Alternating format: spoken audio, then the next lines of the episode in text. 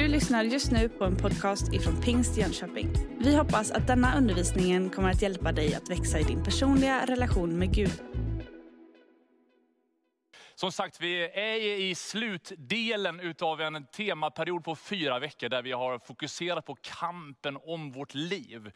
Utifrån att vi någonstans närmar oss påsken och i påskberättelserna så vet vi på långfredagen, egentligen vet vi ju liksom i evangelierna liksom att Jesus brottades ganska länge med den här, det som han hade framför sig. Han visste vad som väntade. Och i ett semane, skärtorsdagskvällen där, så ska vi liksom få minnas lite extra.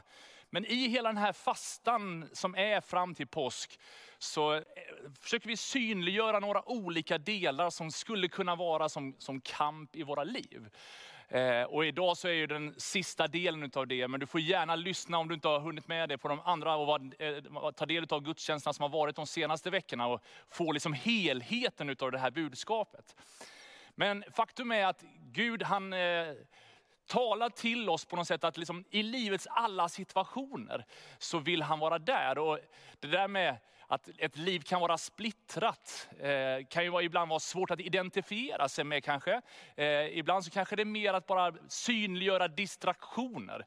Men jag vet inte om du är en sån här pusslare av rang. Jag tog fram ett gammalt pussel. Vi är en sån här familj som pusslar mest på jul. Så att den här sköna, eh, den avslöjar ju lite grann att vi liksom, det är någon tomte på här. Eh, men jag såg på något sätt våra liv framför oss. På något sätt. Jag såg mitt liv framför mig, att det består av så många olika delar. Och att någonstans få det berömda liksom livspusslet att gå ihop, det är inte alltid så enkelt. Utan det är liksom, någonstans är det, är det många saker. Det behöver inte vara dåliga saker, det är bara att det är så många olika perspektiv. Det är åldrande föräldrar som någonstans på något sätt man eh, har oro och nöd för. Det kan vara olika vänner som går de tuffa sakerna, Det kan vara oro för sina barn, eller det kan finnas liksom vänners barn som man är orolig för. Det finns massa olika delar. Det kan vara bra saker, det kan vara utmanande saker. Men det kan ibland vara svårt att någonstans hitta hur det där pusslet ska hänga samman, hur det ska vara. Vi eh, skulle kunna titta på den tekniska revolutionen och glädjas över alla dessa online-varianter. Tänk vad som skulle ha varit annorlunda om inte vi hade smartphones och uppdaterad teknik i vår värld när den här pandemin drog ut.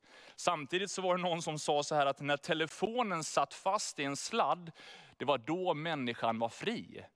Att någonstans, vi, nu har vi med oss liksom allting överallt hela tiden. Och vi, liksom, vi kan svara på mail, vi kan eh, smsa, vi kan vara där och där och där samtidigt på något sätt. Och den där, det blir lite för mycket av det goda.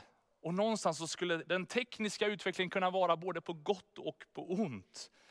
När eh, vi har bilen, eh, när vi har Bibeln i mobilen, Eh, så är det ju lätt hänt att samtidigt som jag läser i bibelappen så kommer det något sms eller det kommer någon annan notis eller påminnelse om någonting.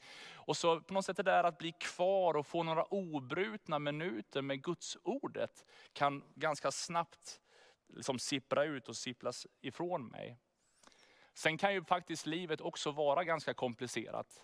Det behöver ibland inte vara längre bort än ett telefonsamtal från en rutinundersökning eller rutinkontroll på vårdcentralen för att någonstans inse att livet kan vara skört. När saker och ting sätts på sin spets så inser vi att sagan är inte alltid där att man lever lyckliga i alla sina dagar. Utan livet kan vara en kamp, kan vara en utmaning. Så oavsett om det är livspusslet i sig, om det är andra komplikationer eller utmaningar som du står inför, så hoppas jag att den här predikan skulle kunna få ge dig vägledning, redskap och tyngd någonstans i att prioritera och hitta och balansera. För det jag tycker är fascinerande med Gud är att han vet ju vilka vi är. Han vet vad han har skapat och han vet vad vi behöver. Gud visste på förhand vad det innebär att vara människa. Därför så har han gett oss några olika verktyg som någonstans vi ska ta del av för att vi ska klara av den kamp som vi kan uppleva. Eller den här splittringen eller fragmentiseringen som vi kan uppleva i livet.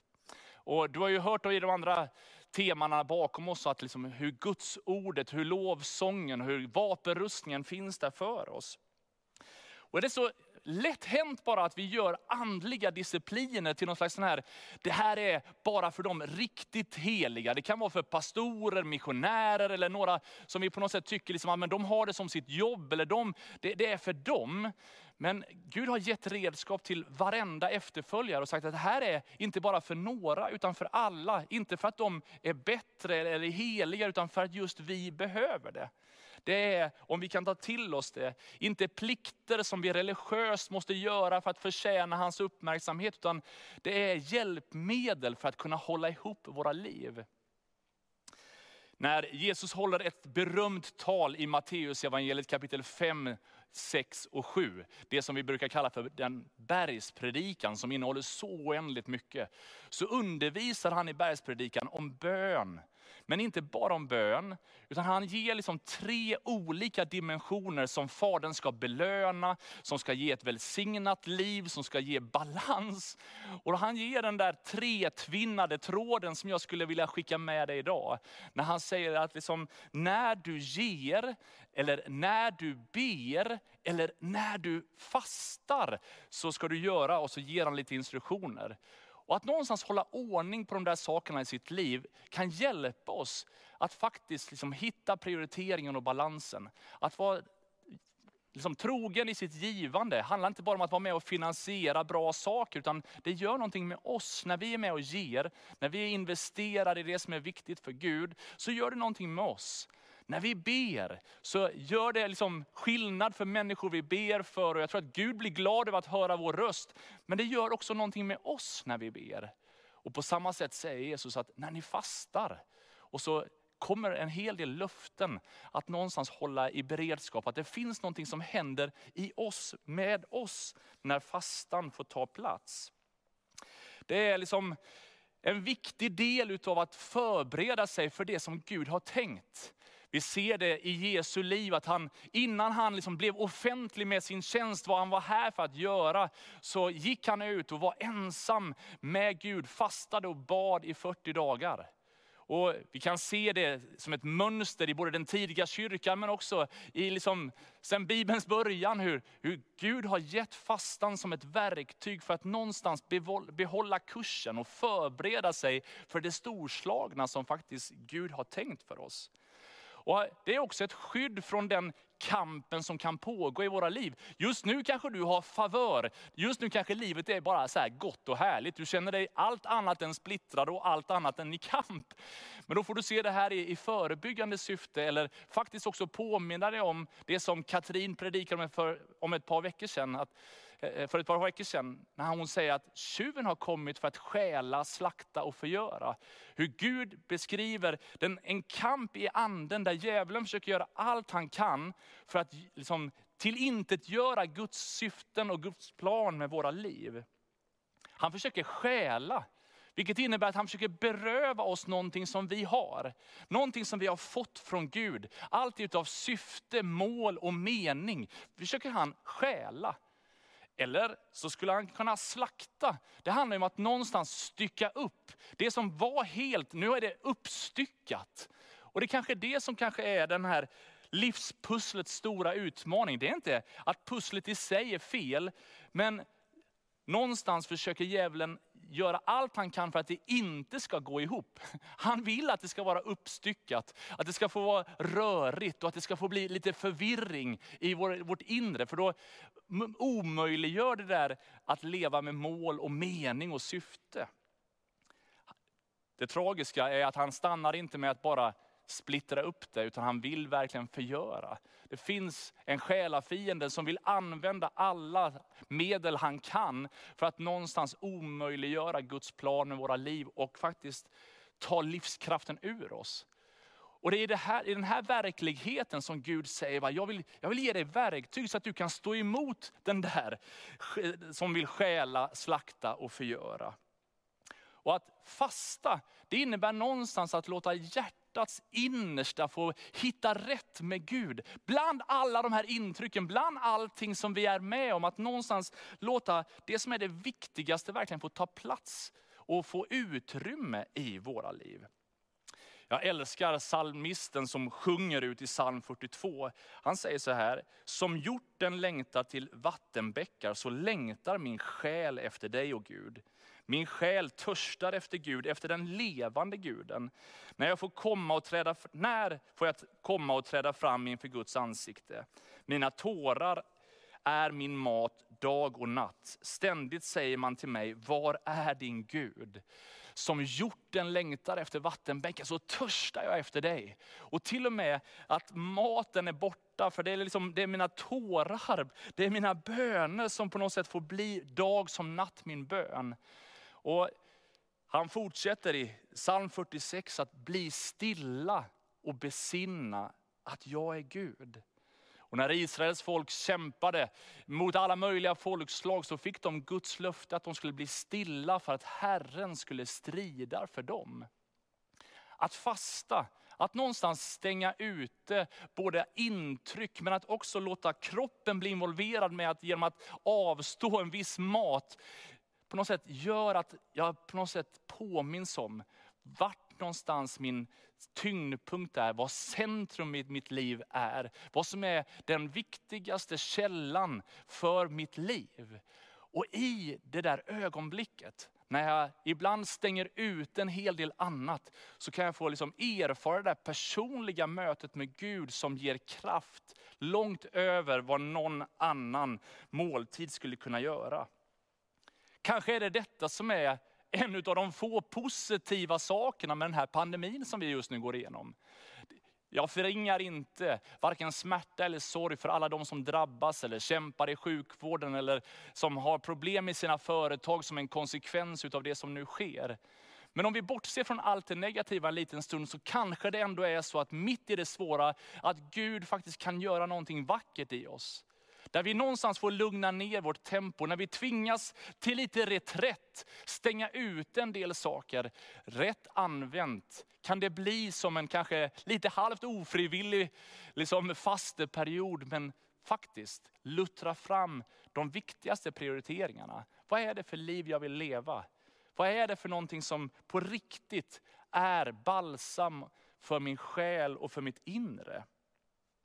Fastan har så många olika konsekvenser. Jag skulle bara helt kort vilja ta dig med till fyra olika områden som jag tror att det här skulle kunna liksom locka dig och mig till att någonstans erfara mer utav.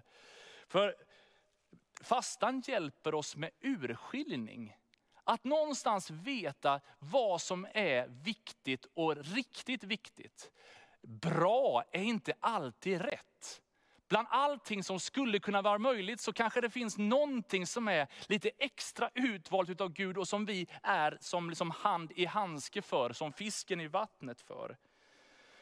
Ett väldigt dramatiskt ögonblick i evangelierna det är när liksom Jesus börjar tala om sin död och liksom det som på något sätt väntade kring liksom korset så blir liksom Petrus upprörd och på något sätt försöker liksom säga till liksom Jesus att men du, det, här, det här ska du inte behöva oroa dig för, för vi kommer slåss för dig, vi kommer kämpa för dig och det, här, det kommer inte bli så som du säger. Och så använder Jesus ett väldigt dramatiskt uttryck där han bara säger, bara gå bort från mig Satan. Det här är liksom inte liksom Guds tankar, du vill få mig på fall. För dina tankar är inte Guds utan människors. Man märker hur hur Jesu liv i det fördolda med Fadern gjorde honom observant på att det som kunde verka, rätt, eller verka bra inte var rätt. Att kunna urskilja bland alla röster vilken röst som är den viktigaste. Och kanske är det så att just nu så lyssnar du så mycket på massa andra röster som säger andra saker om dig. Så att någonstans så har andra röster fått bli sanningen i ditt liv. Precis som Caroline undervisar om Guds ordet så behöver vi ta bort alla de där lapparna, alla de där sakerna som lätt lägger sig som ett lock. Och fastan hjälper oss faktiskt att öppna upp och någonstans få tag på, det är det här som Gud har tänkt med mitt liv. Kanske är det så att du tittar dig i spegeln och så tycker du att du är ful. Och så ser du alla annonser om att man borde se ut på det sättet, eller vara klädd på det där sättet, eller göra på det där sättet. Så, så matar du dig med allting utav mindervärdeskomplex. Kanske att du skulle behöva fasta, söka Guds ansikte och låta dig få se dig själv genom Guds ögon. Kanske är det en massa människor runt omkring dig som säger att inte du kan, att du inte förmår, att du inte är tillräckligt bra. Stäng dörren mot alla dessa röster och låt Guds röst få säga till dig att du är utvald, älskad, speciell, skapad för ett syfte. Fastan hjälper oss att urskilja bland allt vad som är Guds röst. Kanske är det det som vi behöver göra just nu. Att någonstans faktiskt stänga ut en del röster som försöker stjäla, slakta och förgöra hoppet och drömmen om någonting större. Men fastan hjälper oss också att göra, inte bara urskiljningen, utan också prioriteringen. I vilken ordning saker ska göra. Jag tycker det är fantastiskt i apostlagärningarna, i den första kyrkan. De upplever att Gud håller på och gör fantastiska saker. Och så står det att ja, då kommer de samman i kapitel 13. De ber tillsammans, de fastar och så upplever de att anden säger avskilj Paulus och Barnabas för det här uppdraget. Och så fortsätter de och ber och fastar och så sänder de ut dem som missionärer och så tar evangeliet liksom ny mark, kommer längre. Och fastan hjälper någonstans att prioritera, vem ska gå, hur ska vi göra, när är det läge och vilka steg ska vi ta? Vi kan ju ha begär efter många olika saker, vi kan ha egna förhoppningar och egna önskemål om olika saker. Och någonstans så kan vi komma en bra bit på väg bara i mänsklig kraft, men det kan öppna sig fantastiska möjligheter om vi börjar lyssna mer till vad Gud har sagt när vi får gå i förutberedda gärningar. Vi brukar säga i pastorsteamet här i kyrkan att vi så många gånger den senaste halvåret har förundrats över hur Gud alltid har varit steget före oss. När vi tänker att hur ska vi göra här och hur ska vi göra här och vi börjar be för olika saker så märker vi att när vi börjar ta några steg så verkar Gud redan ha varit där och förberett en hel del saker. Och Det blir så fascinerande att se hur Gud hjälper till att både uppmärksamma det och se det och ge mod att våga gå i det. Men det verkar som om fastan blir någon slags reningsbad. Vi vet ju det rent fysiskt att om vi avstår från en viss typ av mat och någonstans liksom, så blir det rent kemiskt i kroppen en slags rening från allt möjligt som på något sätt kroppen mår väl utav. Men också själen och anden verkar få vara med om samma sak när vi fastar. Att vi får på något sätt rena oss från alla grumliga motiv och någonstans se ännu tydligare vad som är Guds väg, vad som är Guds prioriteringar, vad som är Guds sätt att lösa olika saker. Och här tror jag att Gud vill uppmuntra både dig och mig att du behöver inte liksom ha en 40 dagars fasta om du aldrig har fastat förut. Men att kanske bara ta en halv dag eller en dag och säga, den här dagen vill jag på något sätt viga åt Gud och någonstans ännu mer söka hans ansikte. Så som hjorten trängtar efter vattenbänkar så, så längtar jag efter dig Gud och jag är beredd att någonstans avstå en del andra saker. Inte bara för att liksom ta en, en promenad i största allmänhet eller bara komma ner i varv bara för att jag behöver lite avkoppling. Utan jag gör det medvetet för att söka ditt hjärta, vad som är hos dig Gud. Men fastan har ytterligare dimensioner, där faktiskt den gör någonting med vår överlåtelse. Det är någonting som händer när jag prioriterar bort en del saker och det blir en slags påminnelse för hela mig vad som är viktigt. Och är det så att jag brottas i en relation, om jag tycker att liksom jag och min fru inte riktigt drar sams, så behöver vi investera tid i vår relation. Då behöver vi umgås mer. Och på samma sätt kan det vara med Gud. Om du tycker att Gud är lite besvärlig, det känns lite märkligt och svårt, så, så kan fastan få vara ett fantastiskt verktyg att någonstans bereda plats för att någonstans låta mer tid gå till den relationen. Och faktum är att när vi dessutom gör det, så kommer vi lära känna Gud djupare och förstå mer av vad som är på hans hjärta. Och på det sättet så kommer vi sätta ännu högre värde på vad han vill säga till oss, vad han vill göra i våra liv. Jag tror att det också är i fasteperioden när vi någonstans påminner oss om honom, så kommer vi också bli ännu mer påminda om att vi är en del av hela hans kropp. Vi är ju ett individualistiskt land och vi lider nu av starka sociala liksom, restriktioner som gör att vi begränsas oerhört i möjligheten att mötas. Så att vi som var individualistiska innan har blivit ännu mer ensamma nu än vad vi någonsin har varit. Men fasteperioden kan faktiskt också få vara en period då vi påminns om att vi tillhör en kropp. Som trots att vi inte just nu kan mötas fysiskt ändå finns där för varann.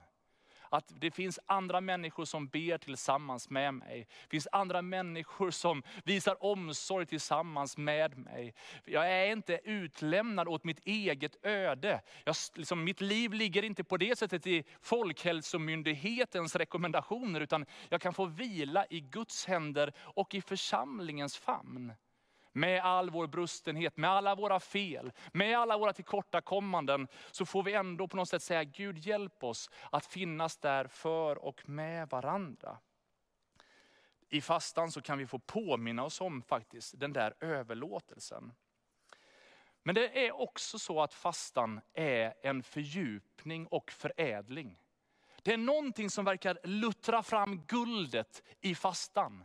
När jag söker Gud lite extra och ger det lite mer tid, så kommer det att göra att livet med Gud kommer bli ännu mer på riktigt. Det kommer förändra oss. Det är inte bara så att det liksom är en sak som griper in i stunden, utan det kommer förvandla oss och förädla oss. Och jag tycker det är fascinerande när Galaterbrevet talar om anden och liksom målar ut alla andens goda frukter. Så talar också Paulus om att om det är så att vi har liv genom anden, låt oss då också följa anden. Och när vi fastar så kommer vi börja höra mer vad anden säger. Och när vi hör mer vad anden säger så kommer vi börja tänka mer som anden.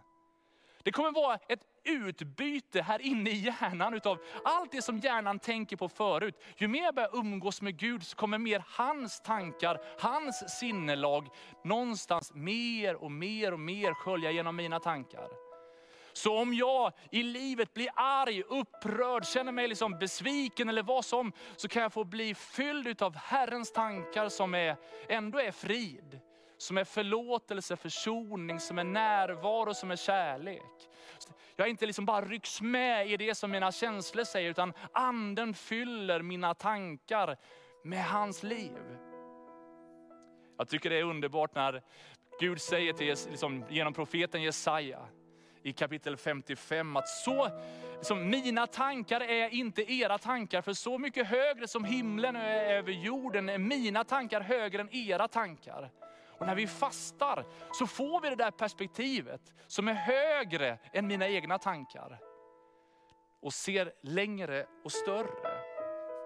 Det verkar som att vi ser någonting annorlunda. Hur ska jag kunna få ihop det här pusslet om jag inte ens vet själva bilden? Om jag liksom bara ser den här mängden utav massor med pusselbitar, men inte ser någonstans zoomar ut och ser att aha, det skulle bli en jultomte med några paket och en julgran, så kanske jag aldrig får ihop pusslet. Och när jag bara är upptagen med detaljerna och bara ser det jag har för ögonen så kommer det vara svårt att pussla. Men fastan hjälper oss att få lite perspektiv, zooma ut, se lite större, se lite mer det Gud håller på att göra. Åh, om vi kunde förstå det. Och när vi börjar tänka annorlunda, när vi börjar liksom se lite annorlunda, ja, men då kommer vi också prata lite annorlunda. För det hjärtat är fullt av tala munnen. Och ju mer vi bereder plats för Gud i våra liv, ju mer så kommer det påverka hur vi talar till varann, hur vi talar om varann. Dina arbetskamrater, dina släktingar, människor som du möter, kommer genom dina ord faktiskt få vara med och uppleva välsignelser, uppmuntran, kärlek, frid. Bara för att någonstans anden har tagit mer plats i ditt och mitt liv. Ja, vi kommer till och med agera annorlunda. Vi ser i Gamla Testamentet både Nehemja och Daniel, för att bara ta två tydliga exempel. När de ber och fastar, så är det inte bara att de söker sig närmare Gud och någonstans känner bara, åh Gud, jag behöver ett gudsmöte. Utan i samma ögonblick så börjar Gud tala om att de kan få vara med och förändra förutsättningarna för ett hel, en hel stad, ett helt folk, en hel värld. Så att, att fasta, att dra sig undan, innebär inte en världsfrånvändning någonstans, utan det är att rusta sig för uppdraget att just förändra världen. Men genom att fasta så ser jag till så att det är med andens influenser som jag förändrar världen. Så att jag inte bara lever i världen och av världen, utan jag lever i världen men ledd av anden. Och faktum är att när jag ber och fastar så kommer en andlig auktoritet som jag kanske inte kan uppleva på något annat sätt. Vi ser i en rad olika bibelsammanhang hur bönen och fastan vässade Guds folket till att på riktigt allvar se ett genombrott.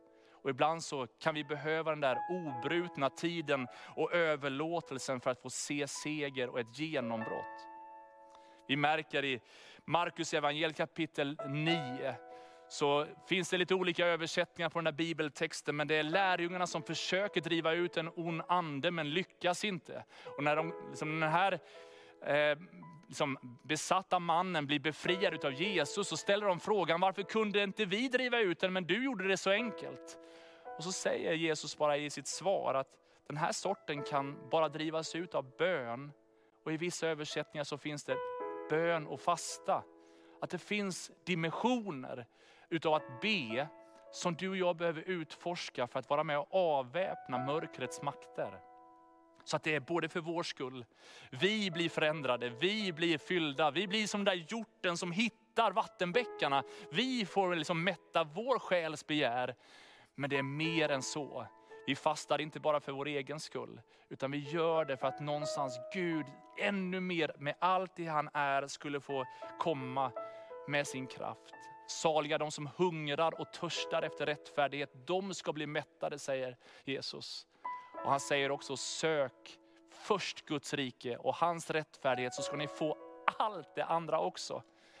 Jag skulle bara vilja i avslutet av min predikan bara vilja utmana dig att kanske under den här påskhelgen som nu väntar, kanske i den här stilla veckan inför påsk, eller kanske på påsklovet efter påsk, spelar ingen roll, men att du i närtid skulle bestämma dig för att någonstans viga lite mer tid till att söka Guds ansikte. För att någonstans vinna kampen om ditt liv. Kanske är det så att du har svårt att få livspusslet att gå ihop.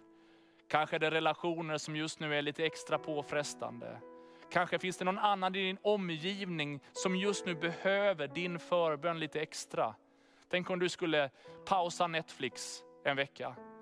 Kanske du skulle stänga av en del andra saker som på något sätt bara ligger där som ett, ett myller utav intryck och någonstans bara söka Guds ansikte. Bara säga Gud, jag är beredd att avstå mat en dag. Jag är beredd att avstå vissa andra saker bara för att någonstans ännu mer liksom påtala för mig själv behovet efter dig Gud.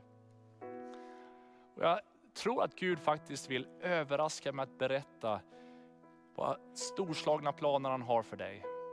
Jag tror inte att vi tänker för högt om oss själva. Jag tror att Gud tänker mycket mer. Jag tror att han vill mycket mer i oss och genom oss. Vår församling, vi som tillhör Pingst Jönköping, vi har en rik historia. Men jag tror inte Gud är färdig med oss. Han har inte liksom sagt att ja, det var historien, gläds för det jag har gjort och sen får ni vänta till himlen. Nej, vi längtar till himlen men vi är också fullt förvissade om att Gud har någonting till dess han kommer tillbaka. Ett löfte som han vill fullborda i och genom oss. Och Herre, nu vill jag bara be för varje man, varje kvinna som är med på den här gudstjänsten, specifikt den här söndagen. Du vet en som kanske kämpar lite extra med att få sitt livspussel att gå ihop. Kanske är det härliga saker som liksom uppstår. Men det, det, är så pass många så att det är svårt att veta hur man ska prioritera. Men tack Gud för att du kallar oss närmare dig för att hitta både urskiljning, prioritering och veta hur vi ska göra. Herre, jag vill be särskilt för den som just nu går igenom ett kampmoment som nästan känns övermäktigt Gud. Herre, där sorg eller oro, frustrationer eller annat är som en, liksom en tung, tung, tungt lock. Herre, jag bara ber att du skulle få låta ditt ord få sjunka in, att när vi blir stilla, när vi på något sätt tar ett steg tillbaka, fastar och ber, så ska vi få besinna att du är Gud. Och jag bara ber att det skulle det få hända den här söndagen. Kom med din frid rakt in i familjer just nu. Herre, jag ber att den som kanske inte känner dig, men som är som den där hjorten som längtar, törstar efter Gud, om du finns då vill jag ha dig. Herre, jag bara ber att den längtan ska du besvara med din närvaro just nu.